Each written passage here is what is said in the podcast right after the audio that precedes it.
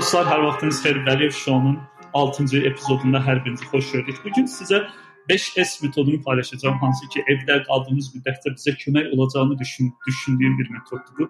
Bu 5S metodu nəsə yeni bir şey deyil, nəsə bir kəşf deyil. Sadəcə mənim coaching proqramım vardı. Coaching proqramına hazırlaşarkən belə deyək də, o hazırlıq prosesində ə, ərsəyə gələni öz özünə ortaya çıxan bir metod oldu və mən də xatırlanması baxımından asan asan olması baxımından bunu 5S adlandırdım və bu cür iştirakçılarla paylaşdım. İstədim podkast ə, dinləyicilərlə, sizlərlə də paylaşım ki, bu evdə qaldığımız müddətdə ə, bu vaxtı yaxşı dəyərləndirə bilək, yaxşı, yaxşı qiymətləndirə bilək. Belə ki, birincisi 5S-in nəyə görə 5S-i seçdiyimi deyəcəm. İkincisi isə 5S-in nə olduğunu və necə istifadə edəcəyimi izah edəcəm sizə.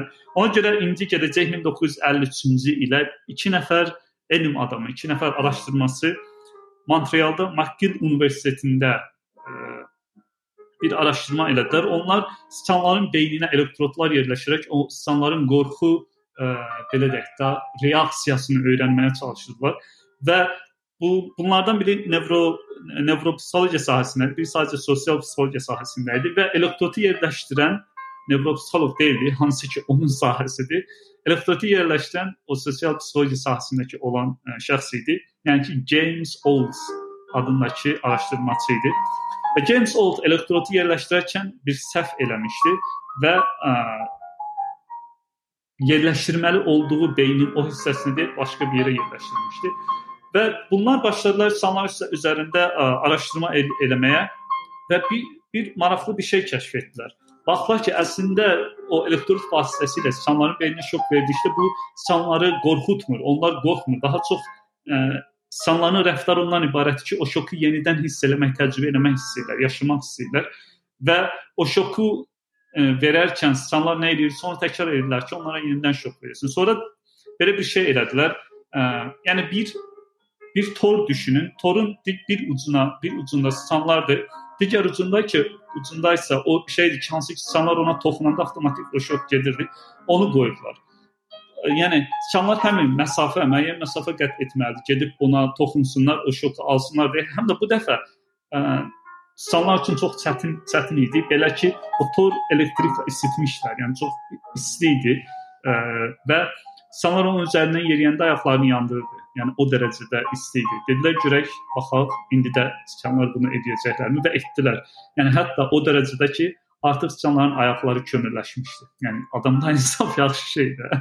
Amma araşdırmaçılar bunu elədilər və Burdan belə bir ə, nəticəyə gəldilər ki, əslində bu beynin mükafat sistemidir və biz beynin mükafat sistemini aktivləşdirdiyimizdə, ora şok verdikdə bu dopamin axışına səbəb olur. Bu isə insanı xoşbəxt edir. O etdiyi şey nədirsə, onu etməyə davam edir ki, xoşbəxt olsun. Bunu bunu daha sonra bir neçə ə, elm adamları da araşdırdılar. Çünki belə deyək də tam qane edici deyildi ki, bu insanı xoşbəxt edir. Ən önəmli araşdırmanı isə edən 2001-ci ildə Stanford Universitetinin neuroscience neuro logiya, nevrolo nevropsixologiya ə, üzrlü sayın bəzən terminləri tam Azərbaycanca tərcümə etmək çətin olur. Ə, Brian Brian Kudson Kudson idi. Ə, belə ki bu o elm adamları arasında idi ki, hansı ki sorğuluyurdu ki, bəlkə əslində biz beynin o mükafat sistemini ə, aktivləşdirdiyimiz aktivləşdirdikdə biz o xoşbəxtlik hissi yaratmır. Sadəcə xoşbəxtlik hissinin olacağının gözləntisini yaradır. Yəni beynin o hissəsi aktiv olur ki, deyir ki, sən etdiyin şey nə idisə, onu etməyə davam elə və sən xoşbəxt olacaqsan. Və sonra bunu belə deyək də tapdılar, təsdiq elədilər ki, mən detalları da var, bunu maraqlansaz yazıb baxa bilərsiniz.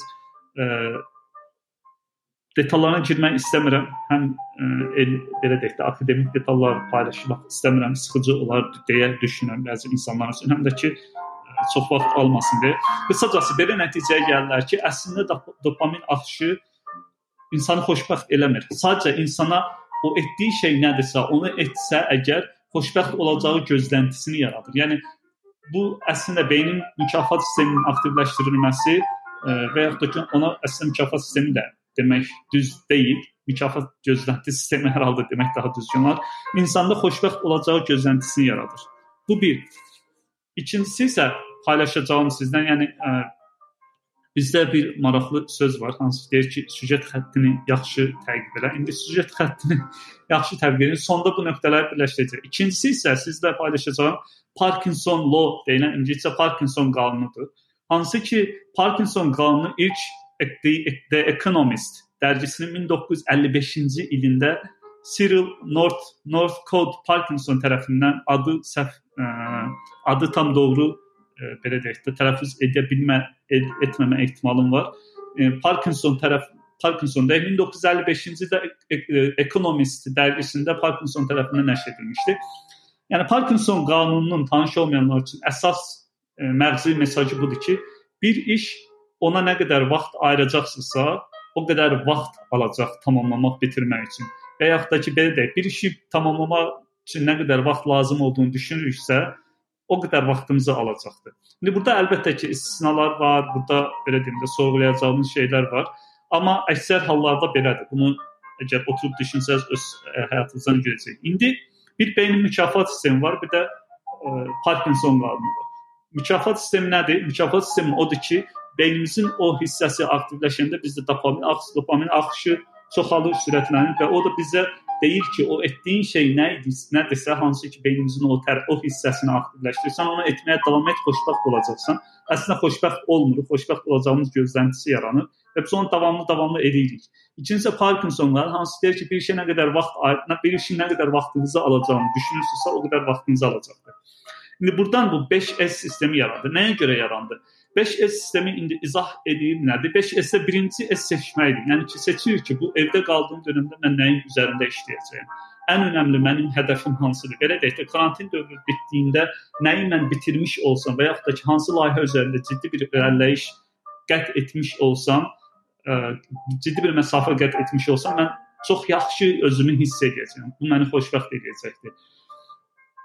Birinci bunu seçirik. İkincisi isə hər gün hansı saatda işləyəcəyimizi seçirik. Yəni bu əla olar ki, ideal ideal olan odur ki, bunu bir gün əvvəlcədən və yaxud da belə deyək, yatmadan öncə artıq seçmiş olaq ki, sabah hansı saatda başlayacağam bunun üzərində işləməyə. Bunun da səbəbi nədir? Səbəbi odur ki, bizim indi, bizim indi ən böyük problemlərimizdən biri olan həll olunubdur və biz adətən problemimiz olanda o problem haqqında danışmağı çox sevirik. Nəyə görə? Çünki problem haqqında danışanda kənar tərəfdən ətrafımızdakı insanlardan bizə empatiya hissi olur. İnsanlar qayğı göstərir. Bu bizə bu bizə özümüzü önəmli hiss etməyə səbəb olur və məhz buna görə də bir çox biz bir çox hallarda mən də buna özüm də daxiləm əlbəttə ki, bütün bu dediklərimə bir çox hallarda həyatımızdakı problemləri canla, başla cəhd edib həll etmirik. Nəyə görə? Çünki o problemi həll etsək bizim özümüzü önəmli hiss etdirəcək heç bir şeyimiz qalmır. Bu absurd səslənə bilər, bilirəm. Amma e, oturub düşünsəz, belə deyək də səmimi test-testə sorğulasaz görəcəksiniz ki, həqiqətən elədir. Yəni əksər insanlarda belədir. İndi bizim o problem aradan qalxıbdır və beynimiz bu anda canla baş canla başla deyim belə təşviş içərisindədir ki, başqa bir problem tapsın ki, bizi şikayət etməyə nəyinsə olsun.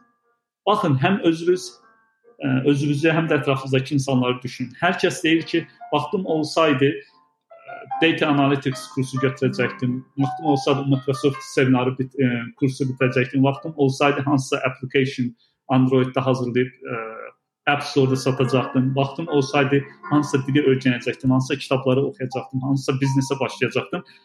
Yəni bütün olsaydılarımızın arxasındakı tək problem vaxt idi, amma indi o problem yoxdur. Əlbəttə ki, indi başqa problemlər var. Bütün gün evdəyik, bütün ailə üzvləri də evdəyik, sakitçilik tam istədiyimiz səviyyədə deyil və ə, virusun bizə bizi, ailəmizi ə, belə deyək də narahat edən tərəfləri var, hansı ki bizi düşündürür. Bütün bu qayğılarımız var, amma yenə də yəni 24 saat durub günün 24 saatını və ya oyaq olduğunuz bütün saatları bunu düşünməyin bir mənası yoxdur. Bundan siz də razılaşarsınız. Etməli olduğunuz nədir? Tədbirimizi almaq gedisə artıq təfəkkürdür. Yəni tədbiri aldıqdan sonra yenə qayğılanmaq ə, e, tənbəllikdən və ə, belə deyək də aktiv tənbəllikdən başqa bir şey deyil.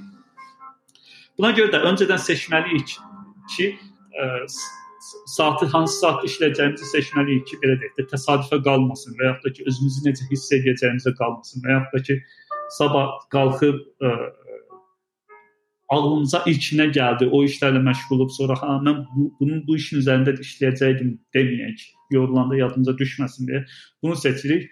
Ə, üçüncüsü isə saatları seçirik. Üçüncü S isə saatları seçmək. Yəni ki, neçə saat işləyəcəm, neçə saat və yaxud da ki, maksimum sabah ayıra biləcəm. Hansı ki, keyfiyyətli şəkildə tam fokuslanmış, konsentrasiya olmuş bütün diqqətimi, fikrimi, bütün kognitiv resurslarımı, gücümü bu işə yoğunlaşdırıb konsentrasiya edib işləyəcək şəkildə neçə saat işləyə bilərəm, buna qərar veririk. Yəni buna nəyə görə qərar veririk? O bayaq dediyimiz Parkinson qanununun belə deyək də tələsinə düşməmək üçün. Əgər biz düşünsək ki, sabah vaxtım var, edərəm bu işi. Sabah bəzən elə olacaq ki, keçib keçib gedəcək heç bir şey eləməm, eləməyəcək və növbəti sabaha saxlayacaq və belə sabahlar çox gəlib gedəcək və karantin dövrü də bitəcək. Sonra yenə qayıdacaq əvvəlki vaxtdakı hansı ki, ə, vaxt ən böyük problemimiz idi. Buna görə məhz Parkinson qanununu vurğuladım. Dördüncü isə dördüncü S isə səssizə aldı. Yəni sadəcə telefonu deyil, bütün daxili dünyamızı, bütün xarici dünyamızı səssizə aldı. Yəni ki, mən coaching edərkən çox insanlar var, deyir ki, ə, yəni insan eləyə bilmir. Qayğılanırsan, düşünürsən necə olacaqdı və baxırsan xəbərlərə baxırsan, sosial mediaya baxırsan, neçə insan yoxdur, neçə insan olub, hansı ölkədə çoxdur, ə, insanlar necə öldü, nə tədbirlər var, ə, e, hökumət hansı yeni qaydalar, qanunlar, ə, e, disiplinlər tətbiq edir, çıxarır və s. və axır. Yəni bunlar çox başa düşüləndir. İnsan və bu normaldır, olmalıdır ki, çox böyük bir problem problemin içərisindəyik. Amma ki biz bu belə deyək də o statistikalara, statistikalara baxmaq üçün və yaxud da ki özümüzü daha necə yaxşı qoruya bilərik sualının cavabını tapmaq üçün və s. və axır gündə 1 saat, yəni lap 1 saat deməyək, 2 saat oturub sosial media hesabları, sonra izlədiyimiz hansısa şəxslər, ekspertlər var ki, onların video videoları, YouTube kanalları və s. ondan sonra xəbər kanalları, bunların hamısını izləmək üçün deyək ki, 2 saat bəs edir. Yəni bütün günü oturub ə, sosial media hesablarının qabağında neçə nəfər yoxdur, neçə nəfər ə, öldü, nə bilim, hökumət nə qərar çıxardı bu gün həkimlər nə deyir və s. və bütün günü buna sərf etmək israfdan başqa bir şey deyil və həddən ziyadə qayğıdır. Həm bu bir növdə ə, belə deyək də qaş üzərdəki göz çıxartmaq, yəni bütün günü bunlarla məşğul olmaq da ki, immun sistemimiz bizi ə, zəiflədəcək ən əla metodlardan, ən qarantiya metodlardan biridir. Buna görə səssizə alırıq. Və burada əlavə bir şey də paylaşmaq istəyirəm. O da budur ki, ə, biz hansısa önəmli bir iş üzərində hə bütün hər şeyi belə deyim səssiz alıb işimizin üzərinə fokuslanıb o işin üzərində işləməyə başladığında beynimiz bizə qarşı çox e, bir hiləgər belə deyək də addım atır, bir manevr edir. O da budur ki, bizə etməli olduğumuz özümüzə və ya başqalarına hansı söz verdiyimiz sözləri, vədləri xatırladır. Amma bu dəfə demir ki, get məsəl üçün Facebooka gir və ya Instagrama bax və ya e-mail yoxla. Bu dəfə deyir ki, o iş etməliyəm. Nəyə görə o işlər nisbətən önəmlidir, hansı ki, e, bizim o diqqətimizi dağıtmağımıza səbəb olma ehtimalı daha ciddidir, daha böyükdür. Ona görə işləri xatırlayır. Biz onun qarşısını almaq üçün də daima yanımızda bir qələm, bir dəftər olur ki, o cür fikirlər ağlımıza gəldikdə onu ora yazırıq. Çünki biz onu yazan kimi beyin sakitləşir və deyir ki, bu iş artıq həll oldu, bu iş bitdi. Bunun qeydinə qeydinə qarşısına qalacaq, bunu həll edəcəkdir. Buna görə səssiz alırıq. Burada o beynin mükafat sistemi dediyimiz ə, araşdırmaya da qayıdacağıq. Burada səssiz halda bunun səbəbini açıqlayacağam. Biz oturub işləyəndə belə də düşünürük ki, telefonu söndürsək, sosial media hesablarımıza baxmaq, baxmasaq, xəbər saytlarına baxıb yeni son xəbər nədir, ona baxmasaq, e-mail yoxlamasaq və s. əlaxır və dostlarımız nəsə paylaşır, ona baxmasaq, sanki dünya dağılacaqdır. Sanki, yəni bu bir bu qorxumuz var sanki. Beynimiz bizi ora aparır. İkinci də ki, beynimiz bunu nəyə görə edir? Əslində beynimizin ən çox sevdiyi şey yenilik, ən nifrət etdiyi şey isə eynilikdir. Bizim bir iş üzərində oturub bir saat işlə işləməyimiz beynimiz üçün bir növ belə deyək də işgəncədir. Əgər beyin ə, təlim, tərbiyə olunmayıb, o disiplin, o vərdiş formalaşdırılmayıbsa və ə, belə deyək, hər beynin də əslində bir limiti var. Məsəl üçün mən həmişə ə, saatı quran, telefonu belə deyək də uçuş moduna alıb ə, saat qururam. Məsəl üçün 1 saat deyirəm işləyəcəm. O 1 saatda ə, uçuş moduna alıram ki, nə mesaj gəlməsin, nə zəng gəlməsin, həmçinin özüm internet heç bir yox şey yoxlamıram. Sonra belə maraqlı bir, bir gün bir şey alma gəldi. O da dedim ki, nə vaxt bes, bessən, telefonu yoxlamaq istəsən və ya o etdiyim işdən qorxmaq istəsəm telefona baxacağam görüm neçə dəqiqə keçibdi. təzə başlayanda 15 dəqiqə, 14 dəqiqə ə, olurdu, belə deyim də. Baxıb xəcalət çəkirdim ki, mən bütün gün özümü fokuslanmadan, konsentrasiyadan danışıram, amma ə, 15 dəqiqə keçməmiş yoruluram və yeni nəsə yoxlamaq istəyirəm. Daha sonra yenə yoxlamağa başladım və əlbəttə ki, bu artdı. İndi 15 dəqiqə deyil, bəzən işə, duruma, özümü belə deyək də, içərisində olduğum psixoloji emosional vəziyyətə görə bu dəyişir, amma artıq ə, çox rahatlıqla daha uzun müddət sadəcə bir iş seçib o iş üzərində fokuslanıb işləyə bilirəm. Bizim ə, mənim bir müəllimim vardı. Ə, Facebookda bir ə, departamentin adı dəqiq yadımda deyil, departamentdə işləyirdi. Stanfordda bir proqramla mən iştirak edirdim, oradaydı. Bunların işi sadəcə bir şeydən ibarət idi. İşləri budur ki, ə, ə, oturub düşünürlər ki, biz necə edək ki, Facebookda insanlar daha çox vaxt keçirsin və Instagramda insanlar daha çox vaxt keçirsin və ə, bu onlar üçün daha maraqlı olsun, daha əyləncəli olsun. Yəni insanların işi, gücü budur. Bunun üçün işlər və bunun üçün maaş alırlar. ə, və bu şeydə çox əla bilirlər. Və bizim hər dəfə Facebook Facebooku yoxlamağımız bizim o siçanlar necə ki şok verirdi. Ayaqları yansa belə gedib yenə o ə, düyməni deyək də belə düyməyə sıxırdılar ki, o şok gəlsin, ayaqları yansa belə biz də belə deyək də ə, biraz tragik səslənəcək, amma həyatımız yanır, amma yenə gedib Facebooka klik edirik və ya Instagrama klik edirik. Mən özümü ə, xaric etmirəm, özümü istisna göstərmirəm. Mən özüm də aidəm bura. Ə, yəni elə bir mesaj ver, verilsin, anlaşılsın istəmirəm ki, sanki mən bunlara aid deyiləm. Çox super disiplin var və sərraf məcbur daxil.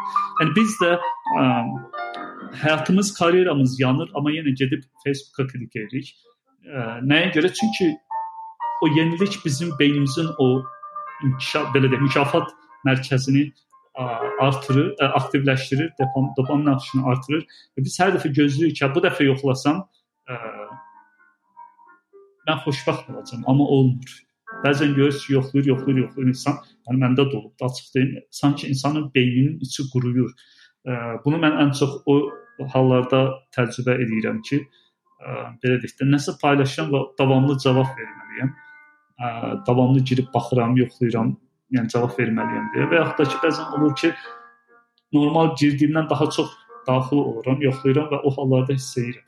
Yəni bu araşdırmanın da beyin mükafat sistemini bəs məhz buna görə ə, vurğuladım ki, belə, belə deyək də, sadəcə səthi metodlar olmasın. Hə, bunu elə belə olacaq. Yəni adətən bu şeyləri daha dərindən səbəbli başa düşəndə insan etməsi və ya etməməsi daha belə deyək də asan olur və insan daha yaxşı anlayır, nə, nə etdiyini daha yaxşı anlayır və özünü aldatdığının fərqində olur. Bir bir var özümüzü aldadırıq, fərqində olmuruq. Bir də var ki, özümüzü aldadırıq, fərqində oluruq. Etsək belə əslində özümüzü aldatdığımızın fərqində olub etmək daha yaxşı olur ki, bu gün olmasa belə gələcəkdə onu azaltmaq və, və yaxud da ki, tamamilə tərk etməyimiz üçün. 5-ci S isə səylə işləməkdir. Yəni səylə işləyə bilmək üçün də biz birincisi ilk 4-də dediyimiz bu 4 maddənin 4-ünü də eləməliyik. Ondan sonra oturub ə, bu növ mənim o dediyim kimi vaxtı ki yoxlayırdım 15 dəqiqədən sonra bezdiyimi hiss edirdim. Hər dəfə bir növ belə deyək də bizim bax baxırsınız ki, mənim fokuslanmaq, konsentrasiya olma, diqqətimi cəmləmə, kökləmə limitim neçə dəqiqədir. Hər dəfə onu bir neçə dəqiqə artırırsınız, bir neçə dəqiqə artırırsınız və bunu həqiqətən ciddi şəkildə artırmaq çox mümkündür. Bu günə kimi fərqi yoxdur. Fikriniz nə qədər dağılan bir insan ol olmuşsa olsun, məşqlə, tərbiyə ilə, disiplinlə bunu uzatmaq, gücləndirmək ə, e, çox əla mümkündür. Burada əslində bunu paylaşmağı planlaşdırmamışdım. Amma bu yadıma nevroplastisity sahəsini salır. O da budur ki, biz təlim, tərbiyə ilə, həyat tərzi ilə beynimizi çox ciddi şəkildə yaxşı mənada, pozitiv mənada dəyişə, inkişaf etdirə bilərik. Bu da elədir. Yəni biz bunu davamlı həyatımıza eləsək, hər gün bircə dəfə biz, biz bunu eləsək, düşünün ki, gündə bircə dəfə eləsək, 3 ayda bunu 90 dəfə eləmiş olacağıq və 90 dəfə biz beynimizin o fokuslanmadan, diqqət diqqətini e, yoğunlaşdırmadan hissəsini aktivləşdirmiş olacağıq. Bu da ilk növbədə beynimizin o hissədən belə deyək də diqqətlənmə, diqqətini yox, ə, e, fokuslanma, konsentrasiya olma, diqqətini cəmləmədən məhsul düşünün ki, bunu yəni ə, e, bir növ belə deyək də daha yaxşı anlaşılsın deyə deyirəm. məsul neyronlarımız var, bir növ əskərlərimiz var. Biz hər dəfə bunu özümüzü məcbur etdik, etdikdə o neyronları oyatmış, aktivləşdirmiş oluruq. Və nə qədər çox eləsək, onlar o qədər aktiv olurlar. E, bizdə bir şey var, deyir, işlər işləməyən işləməyən dəmir, ə, e, işləyən dəmir paslanmaz nəsə bir şey var. Yəni ki, biz nə qədər çox işlətsək, nə qədər çox işləsək, onlar o qədər güclənəcəkdir. Yəni biz işləyəndə nə olur? Nə qədər çox insan işləsə o qədər yorulur deyə bir şey var. Amma burada bunun bir növ əksini düşünür. Onları nə qədər çox işlətsək, əlbəttə ki 24 saatın 24 saatın işlədə də bilməli. Düzgün yanaşmaq deyil. Əsas odur ki, hər gün işlədək onu müəyyən qədər ə, və belə deyək, əgər ə, çox ciddi belə qaza gəlib, motivasiya gəlib saatlarla mən bu günə saatlarla eləyəcəm demək deyil. Əsas olan odur ki, az da olsa davamlı olan. Biz bunu davamlı nə qədər çox eləsək, o qədər aktivləşəcək və ondan sonra o neyronlar arasındakı əlaqə güclənəcək. Onlar belə deyək də bir yerə gələcəklər və bir növ bir ordu olacaqlar və ondan sonra bizim üçün cərimə işləyəcəklər və bizim üçün də 1 saat, 2 saat oturub sadəcə bir iş üzərində fərqi yox, nə qədər bezdirici, sıxıcı, uzun, çətin, mürəkkəb olursa olsun işləmək indikindən qat və qat asan olacaq. Bu hər birimiz üçün mümkündür. Bu qədər. Ümid edirəm ki, faydalı olacaq, işinizə yarayacaq. Əlbəttə ki, faydalı olması, işinizə yaraması üçün bütün metod nə qədər ə, metod əla olursa olsun, birinci biz onun işinə yaramalıyıq. Yəni biz metodun işinə yaramalıyıq ki, metod bizim işimizə yarasın. Yəni ki, işinə yaramaq deyir ki, o metodu həyatımıza tətbiq edə eləməliyik ki, mükəmməl olmasa belə tətbiq eləməliyik ki, necə edə bilirsə elə o bizim həyatımızda öz tətbiqatının nəticəsini gö göstərsin. Belə ümid edirəm faydalı oldu, ümid edirəm anlaşıldı.